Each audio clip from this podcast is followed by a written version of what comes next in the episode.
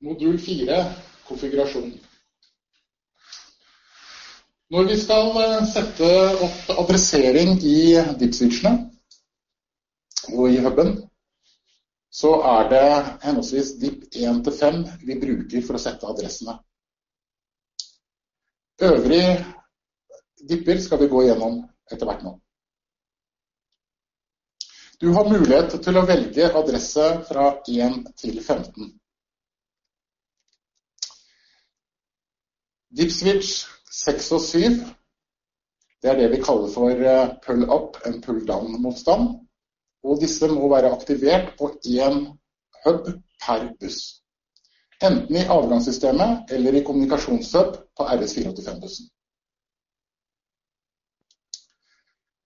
Når det gjelder deep switch 8, så er dette en termineringsmotstand og blir brukt til å avslutte bussen som aktiveres da på enden av sløyfen. Altså den Apero-enheten som sitter lengst unna, der aktiverer vi åtteren. I dette tilfellet her så vil dere se det at uh, undersentralen er den ene enden. Det betyr at du setter inn en endemotstand i undersentralen din over A og B, og aktiverer da de åtte på den huben som sitter lengst unna på bussen din.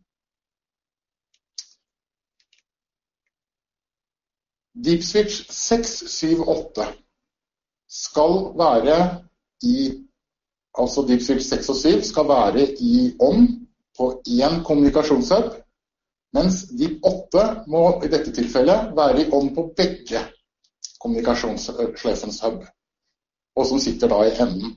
Når dere ser her på bildet, så vil dere se at, at undersentralen sitter nå i midten på sløyfa, altså ikke enden. Og da betyr det at vi må aktivere 6, 7 og 8 på den ene huben, men bare 8 på den andre.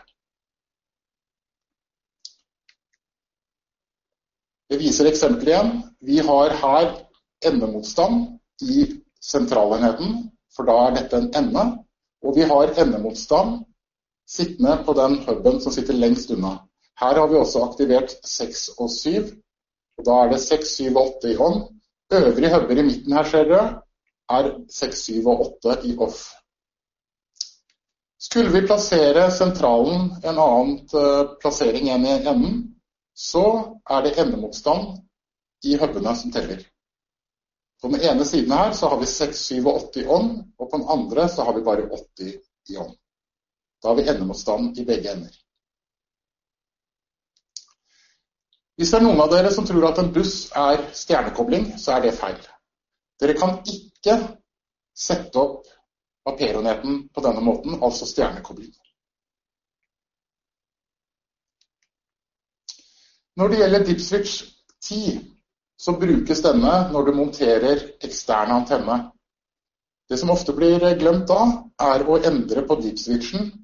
Den står jo i ånd fra fabrikk, altså at det er intern antenne. Du setter på en ekstern antenne. Da skal også DIP10 i off, slik at denne blir aktiv. Husk også at eh, med en ekstern antenne så får du ikke lengre rekkevidde.